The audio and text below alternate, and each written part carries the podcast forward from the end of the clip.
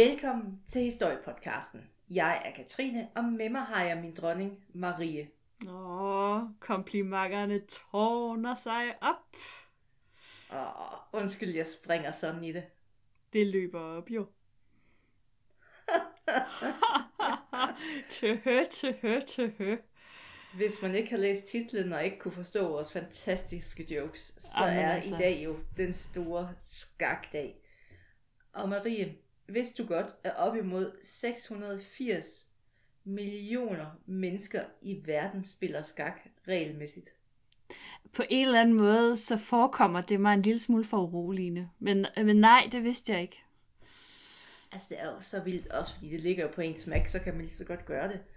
Men, altså, vi skal også huske på, at det her, det er et gammelt, gammelt spil. Og derfor har jeg lidt en forhåbning. Spiller du skak? Det gør jeg ikke, nej. Jeg har aldrig Endnu en nogensinde... ting, du ikke gør. Jeg har, jamen jeg, nej, ja, det kan man sige. Jeg har aldrig nogensinde spillet skak. Jeg, jeg har en eller anden idé om, at det er fuldstændig forrygende svært. Så Ja. jeg gør Mhm. ikke svære ting. Men Det, jeg troede, at det var gammelt nok til, at du anerkendte det som noget sjovt. Det er jo, altså, man har jo kendt et spil ala skak i over 1500 år. Altså sådan udgaver af skak. Vidste du godt det? nej, det vidste jeg heller ikke. Ikke sådan Ej. rigtigt. Nej, men jeg ved ingenting om skak. Det, jeg, ikke lærer, jeg lærer nyt nu. Ej, men ved du, hvad der former det moderne skakspil? Kultur og historie. Yeah! Så derfor skal vi have et helt afsnit om skak i dag. Ej, Man bliver helt mat, ikke? og man bliver, man bliver lidt, man bliver lidt mat i, i noget. Ja. Det var en skak. Og hermed kommer der ikke flere skakrelaterede vittigheder. Tak.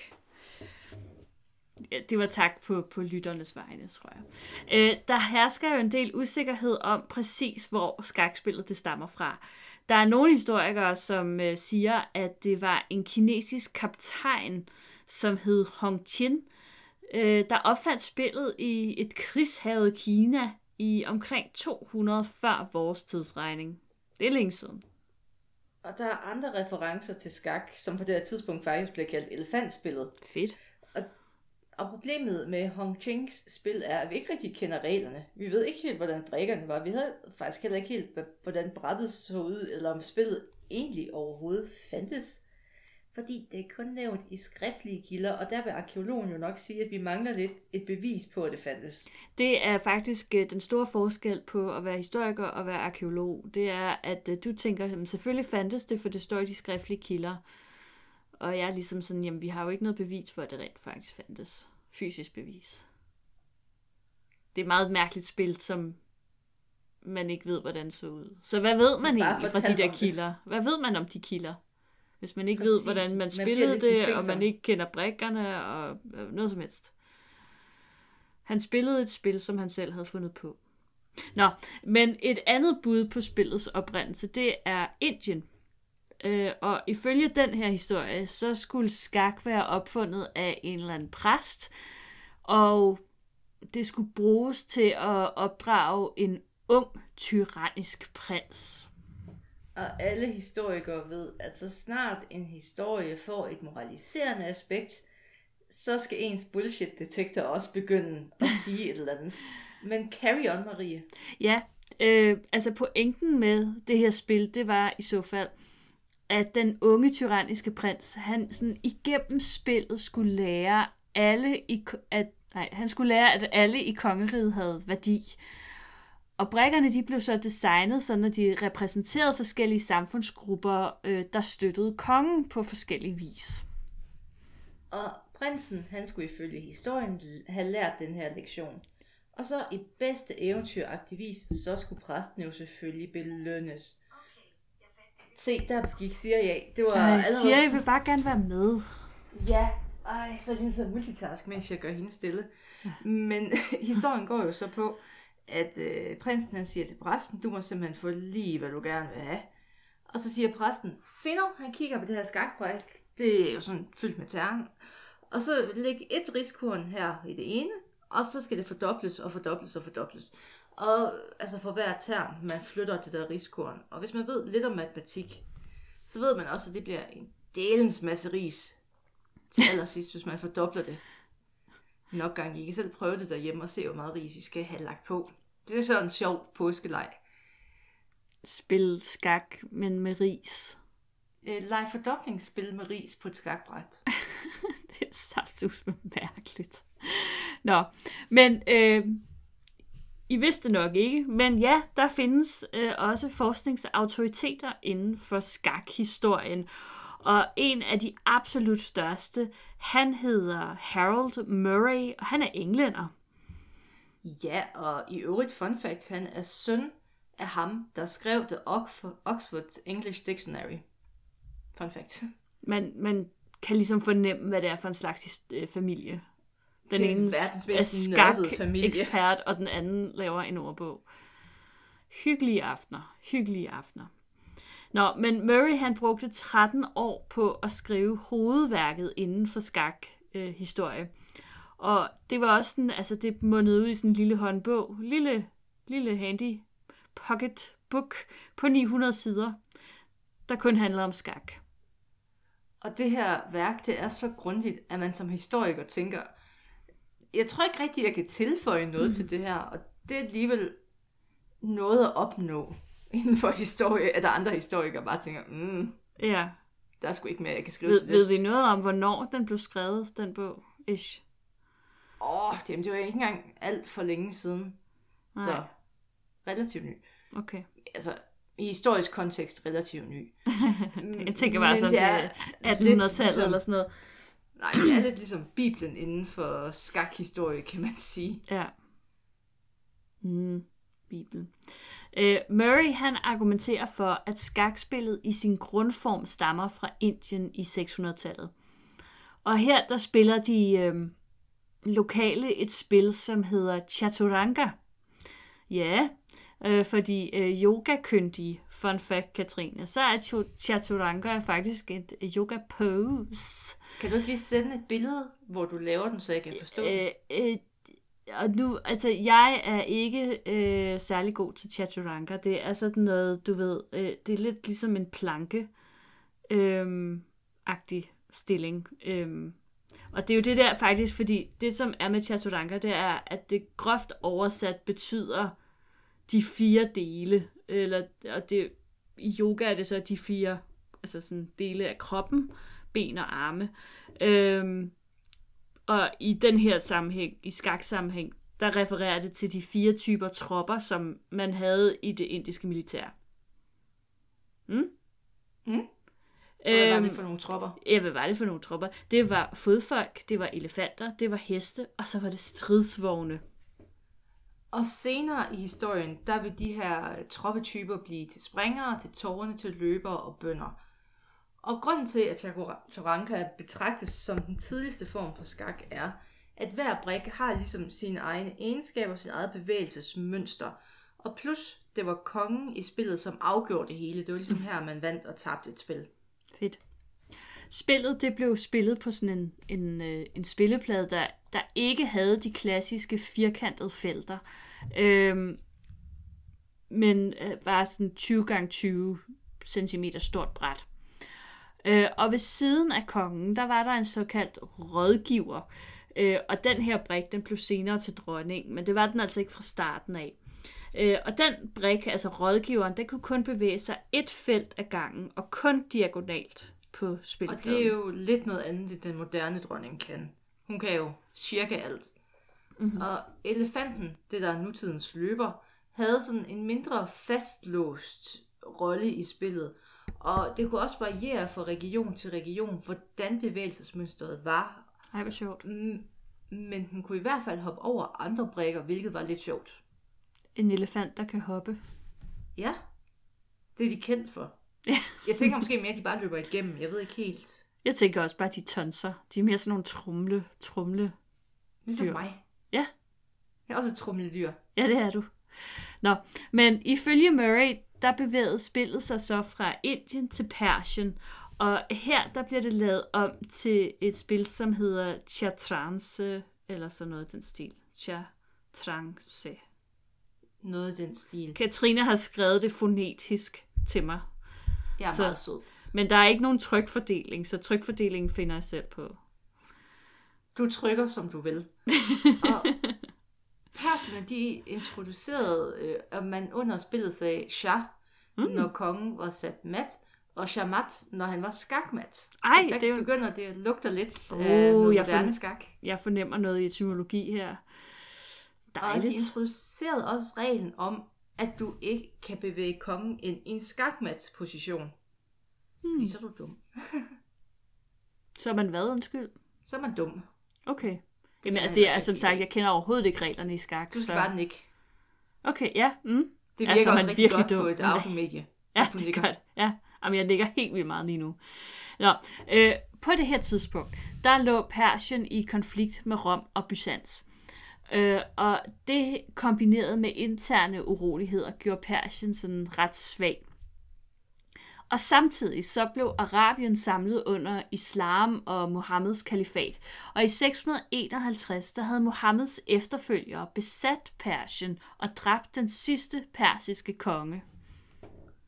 Og spillet det spreder sig nu i den her nye muslimske verden. Og spillet bibeholder sine regler og brikker i første omgang. Og spillet det bliver vildt populært, og kalif øh, Harun al-Rashid var kendt for altså, at være en ivrig skakspiller, og han gjorde skakspil obligatorisk ved hoffet, og han var bare, mm, han elskede det. Ej, for nederen. I skal spille skak. Alle skal spille Og, skak. øh, Ej, bliver minder det om den der... Igen. Er det ikke dronningen i... Øh, dronningen i Alice i Eventyrland, som også er sådan Ja, hun kan også godt lide skak. crazy skakwoman. Nå. Øhm, blandt andet, Øh, den her kalif, øh, han gav blandt andet sine gæster og allierede skakspil i gave. Øh, blandt andre Karl den Store, øh, en af de største sådan middelalderkonger i Europa. Han fik, han fik et, et lille skakspil overragt af, af kalifen. Øhm, I 802, der skulle kejseren i Rom angiveligt også have modtaget et spil i gave. Øhm, så han var en gavmild kalif, må man sige. Der var skak til alle. Der var skak til Mm. alle. Men der var jo så også en lidt sjov ting ved skaksættene fra den islamiske verden. Det var, at når man kigger på de ældste skakspil, så forestillede brikkerne ligesom det, det skulle være. Hvis man havde en elefant, så lignede brikken en elefant. Men det går ikke rigtigt i islam. Mm-hmm. Så det er jo fordi ikonografi, det var jo ikke i orden ifølge Koranen. Så man laver de her mere abstrakte brikker, som vi kender i dag. Meget tæt på i hvert fald. Okay. At det, ikke skal, det skal ikke ligne noget rigtigt, men det Nej. Skal bare have betydning. Ja. Okay. Øhm, og fun fact i øvrigt.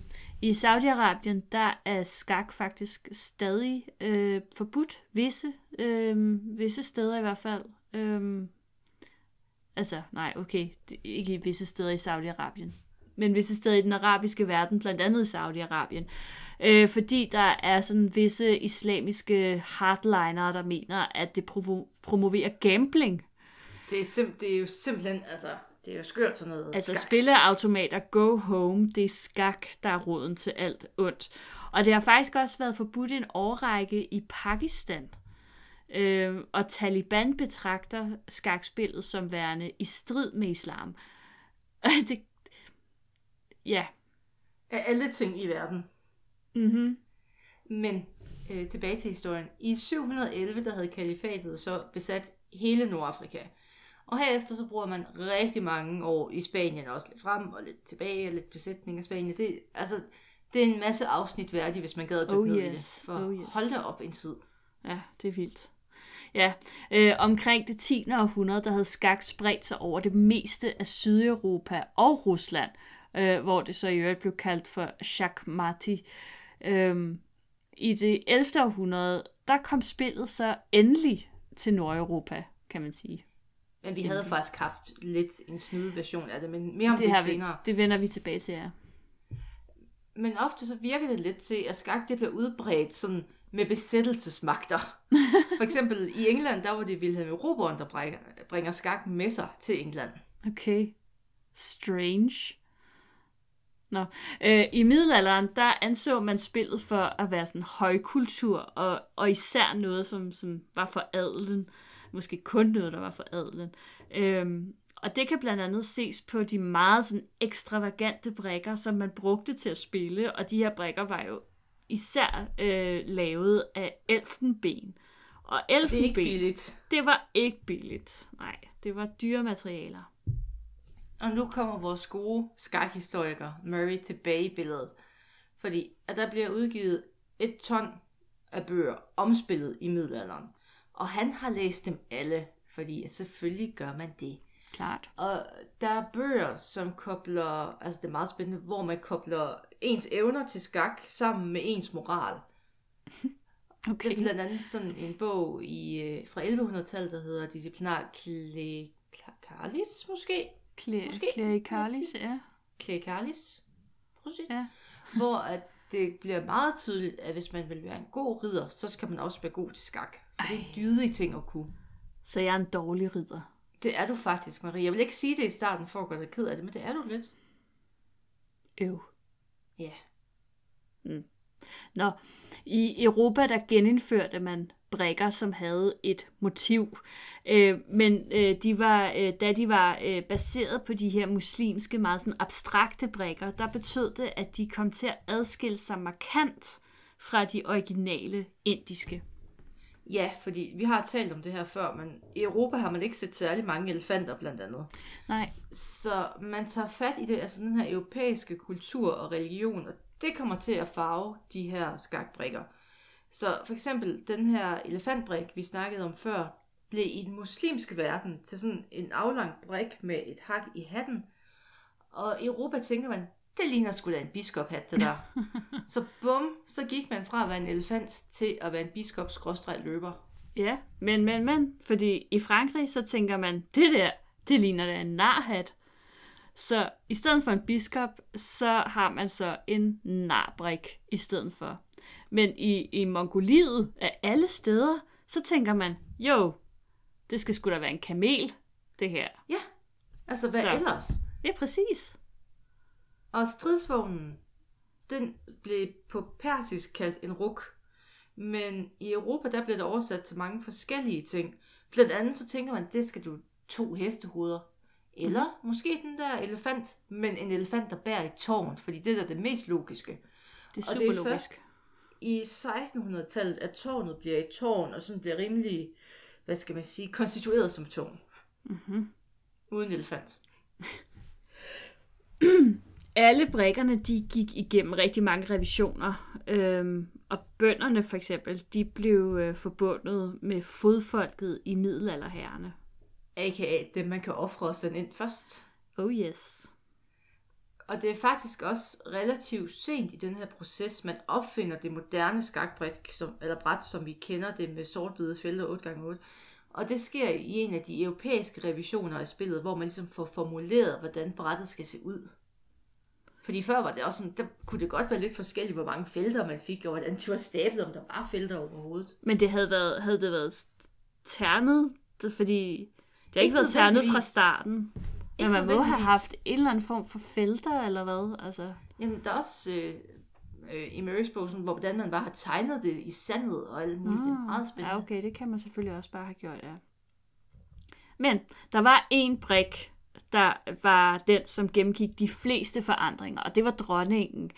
Øh, og brikken gik fra ligesom at være sådan den her rådgiver, som vi nævnte tidligere, øh, som kun kan bevæge sig et felt ad gangen, og så til den her meget magtfulde brik, som, som den er i dag. Og omkring år 1300, der kunne brikken bevæge sig to felter diagonalt i første træk, og så kunne den hoppe over andre brikker. Men første gang man refererer til den her brik som værende dronningen, i skriftlige kilder i hvert fald, det er et svejsisk digt fra 997. Og altså, der er visse skaksæt på det her tidspunkt, der havde afbildet rådgiveren som en dronning, mm-hmm. men det var ikke noget gennemgående. Nej. Jeg kan godt lide, at, øh, at man simpelthen har skrevet et digt om skak. Og øh, vi kommer også til skakromantik lige om lidt. Åh, det, lyder, det er fantastisk. Det bliver lidt frægt. Ja. Øh, på spansk, øh, der blev det arabiske furs excuse my Arabic, øh, som det her furs, det betyder rådgiver. Øh, det blev gjort til sådan lidt noget, et mere feminint ord, øh, alfursa. Øh, og derfra, så ville det alligevel tage øh, flere hundrede år, før at øh, brækken den sådan fik sin moderne øh, bevægelsesmønstre. Og der er en historiker, der hedder Marilyn Yolum, der argumenterer for, at udviklingen af dronningens bevægelsesmønstre, det blev påvirket af en række sådan markante kvindelige skikkelser i middelalderen. Altså, det er sådan en rigtig feministisk historie, det her. Ja, det er dejligt. Jeg kan også godt lide, at hun hedder, hun hedder næsten YOLO. Ja, det, hun har bare jollet det der skak 100%. YOLO. Og det er jo fordi, at vi har jo kvinder som Eleonora af Aquitaine og Blanca af Kastilien og dronning Isabel den første af Spanien. Mm-hmm. Og der er ligesom, øh, der er sgu nogle dronninger med lidt pep i på det her tidspunkt. Det må man sige, ja. Og oven i de her stærke kvinder, der har vi jo også den her voksne kult omkring Jomfru Maria. Og vi har også de her riddernoveller, hvor at der er sådan alt den her romance og prinsesser og dronninger og det er sådan en underlig mm. 0,1 wave feminism, vi har kørende her. ja, den er, ikke så, den er ikke så feministisk igen. Nej, men de, altså, det er sådan et skvulp. Ja.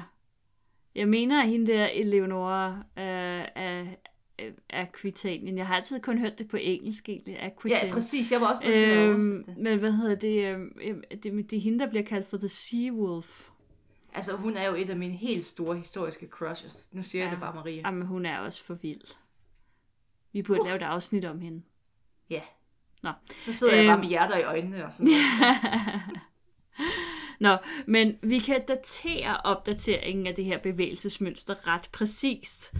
Øh, og det er faktisk til den sidste del af det 15. århundrede under dronning Isabellas regeringstid.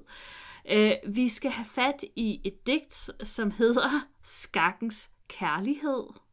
Det er ømt. Uh, ja. øhm, og det bruger ligesom det her skakspil som en metafor for adelig romance. Og det er i det her digt de moderne bevægelser for løberen og dronningen, de er beskrevet. Og det er vel sådan nogenlunde første gang, man har dem sådan Nedskrevet. Nedskrevet, ja. ja. Og i 1497, der får vi endnu et spansk bidrag til skakken. Fordi her bliver der udgivet en bog, der beskriver både de gamle og de nye trækfabrikkerne. Og de nye regler, de ligner meget vores moderne regler. Men vi ved faktisk ikke helt præcis, hvem der nedskrev og udgav de her regler. Og det er jo jeg får aktiveret at sige to gange under det her afsnit, selvom jeg har bedt den om ikke at gøre det. Det er så dejligt. Men altså man regner med, at de her regler, de er udviklet i Spanien, Portugal eller Sydfrankrig, det her område. Men man ved ikke præcis hvor, og man ved ikke præcis hvem. Så Nej. de moderne skakregler er sådan lidt, tør man sige, mysti- henslyngen i historiens toger. Ja, de fortaber sig. Ja. Ja, øh, men, men vi ved altså, at de her nye skakregler, de spreder sig sådan rimelig hurtigt ud over øh, Europa. Øh, og der var to faktorer, der bidrog til den her hurtige spredning. Og det, og det ene, det var, øh, eller det, ja, det ene, det var udgivelsen af nye regelbøger, og det andet, det var spredningen af spanske jøder. Mm. Det kunne, nej, Marie, stop. Øh, og på det her tidspunkt, øh, der var de her jøder, de var blevet forvist øh, fra Spanien, de var blevet smidt ud. Det skete omkring 1492, og så emigrerede de ellers, eller udvandrede til resten af Europa, hvor de bosatte sig. Og den her moderne udgave af skak, den blev kaldt dronningeskak, fordi her har dronningen jo fået en meget markant rolle i spillet. Mm-hmm. Eller, hvis du nu var et stykke kvindehadende stykke skrald, så vil du kalde det skør kvindeskak. Som jeg kaldte, jeg kaldte dronningen i Alice Eventyr lige før. Lige præcis, Marie. Jeg er et kvindehadende stykke skrald, åbenbart. Ja, det er du faktisk. og ja. en af de sidste store ændringer i reglerne, det drejer sig om kongen, og det forekom kun i europæisk skak på det her tidspunkt. I starten af det 15. århundrede, her kan man så, altså det er sådan lidt en kompliceret skakregel, men her kan man så bevæge et tårn og kongen i første træk på samme tid. Det er, sådan, det er meget skørt. Mm-hmm. Og det er meget kompliceret at forklare uden et bræt. Lad mig sige det på den måde. Men det er her, man sådan har den her underlige dobbeltregel første gang. Okay. Du skal bare sige ja. Ja, ja. Ja. Det er meget rigtigt. Du lyder meget klog.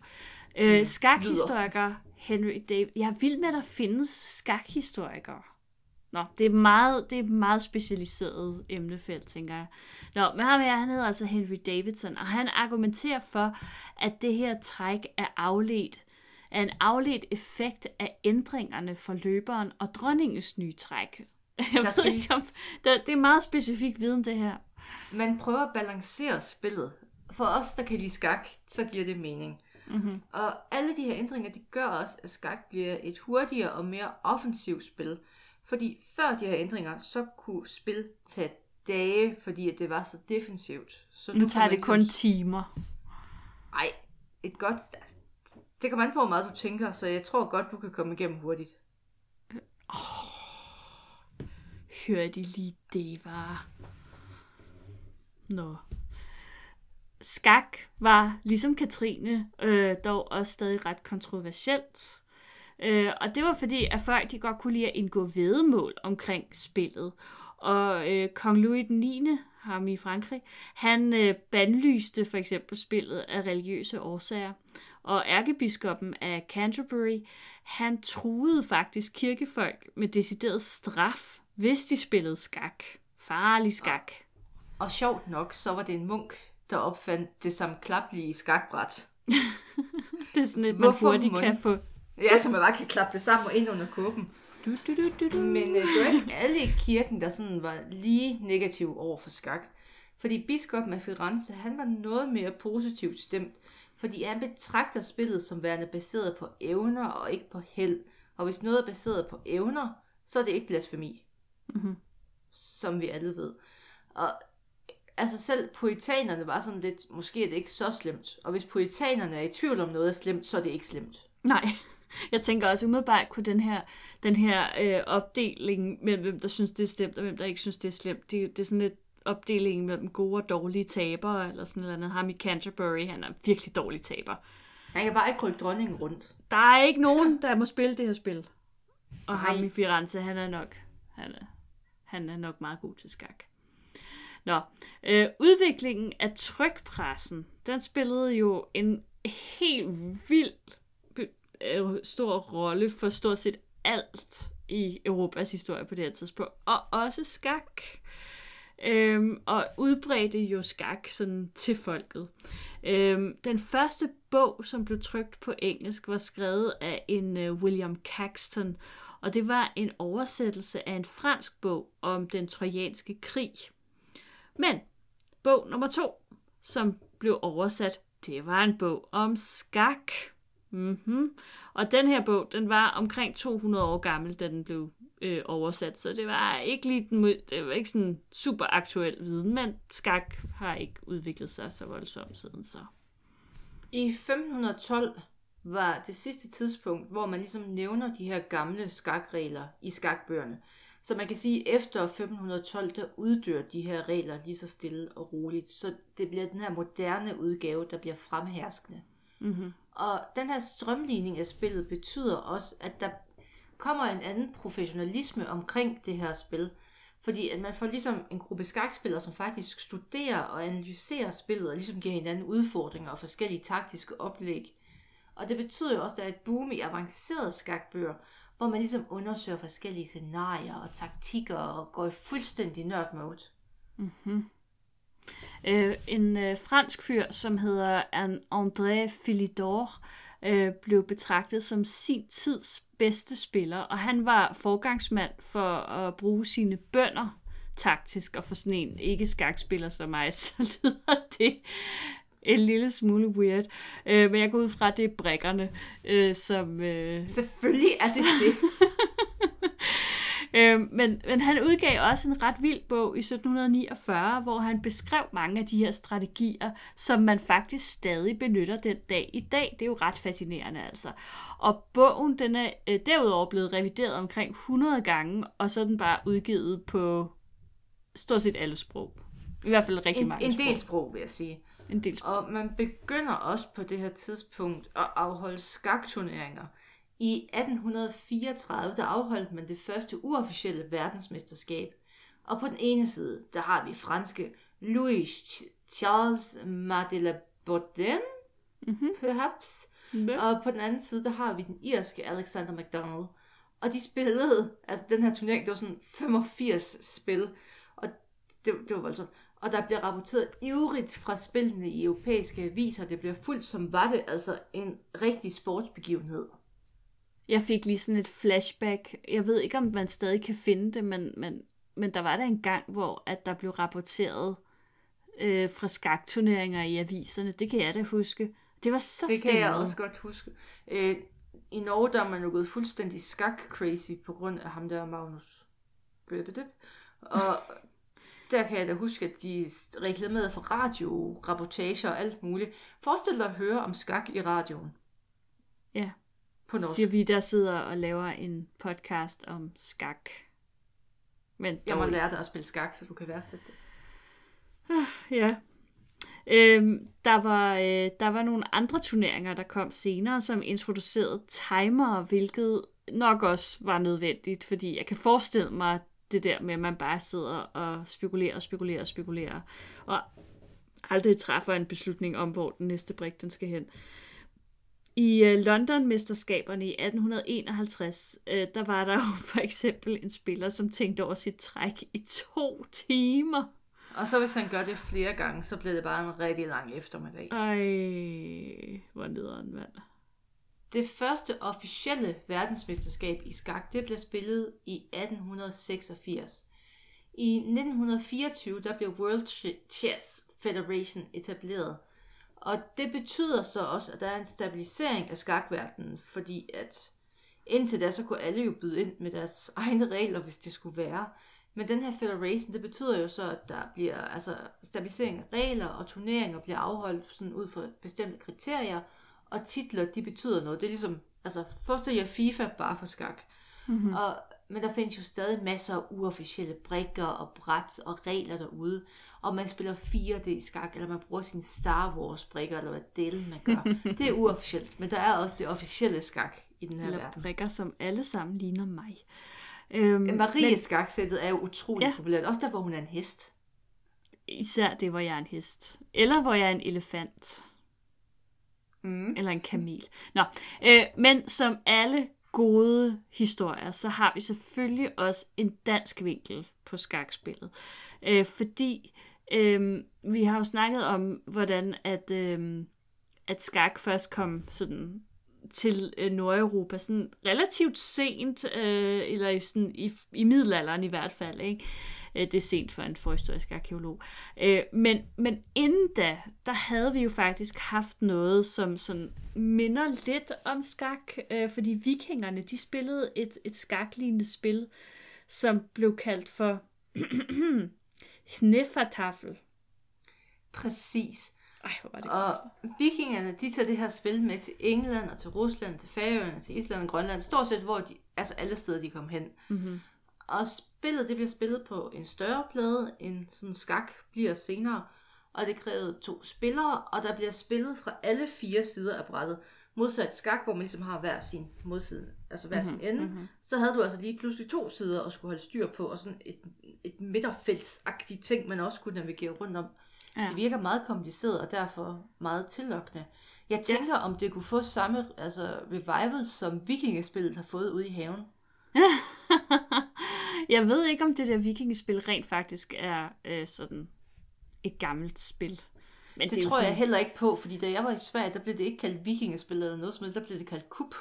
Øj, ja, det er rigtigt. Jeg skulle til at tro, du har de kaldt det danskerspillet eller sådan Nej, noget. uh, altså... Uh. Nej, men det er rigtigt, de kalder det kub, ja.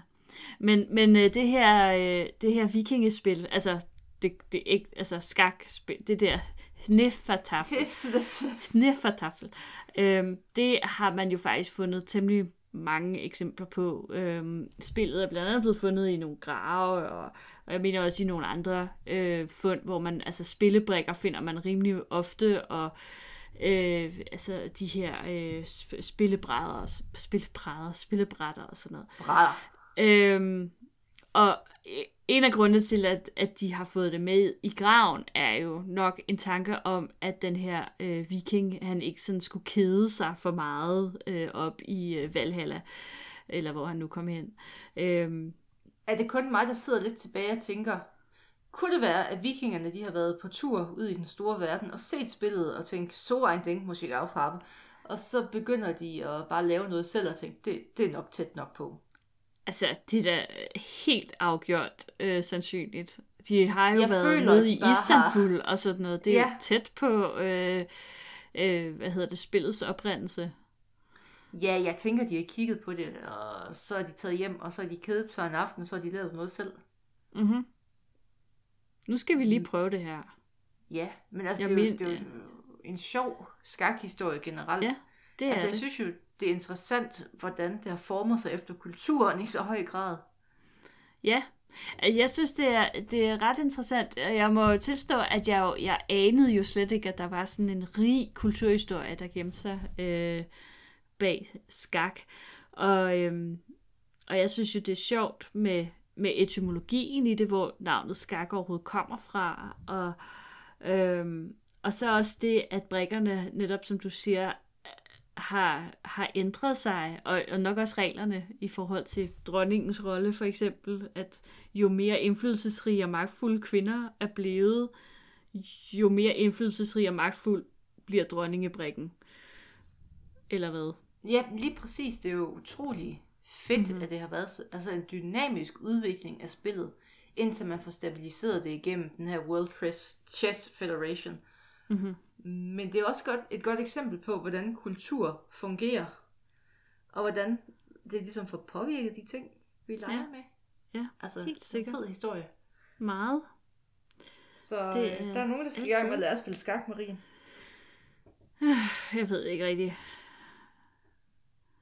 Er Jeg det ved for nymodens? Ja, Jamen, jeg, jeg, ja, det gør jeg. Øh, jeg. Jeg tror simpelthen, jeg ved ikke, om jeg har tålmodigheden til det. Altså, øh, fuldstændig out of øh, context. Jeg lærte jo at spille skak i det legendariske Lego Chess-spil. Og det lærte mig alt, jeg har haft brug for at vide. Ja, Det er stadig det, jeg spiller efter.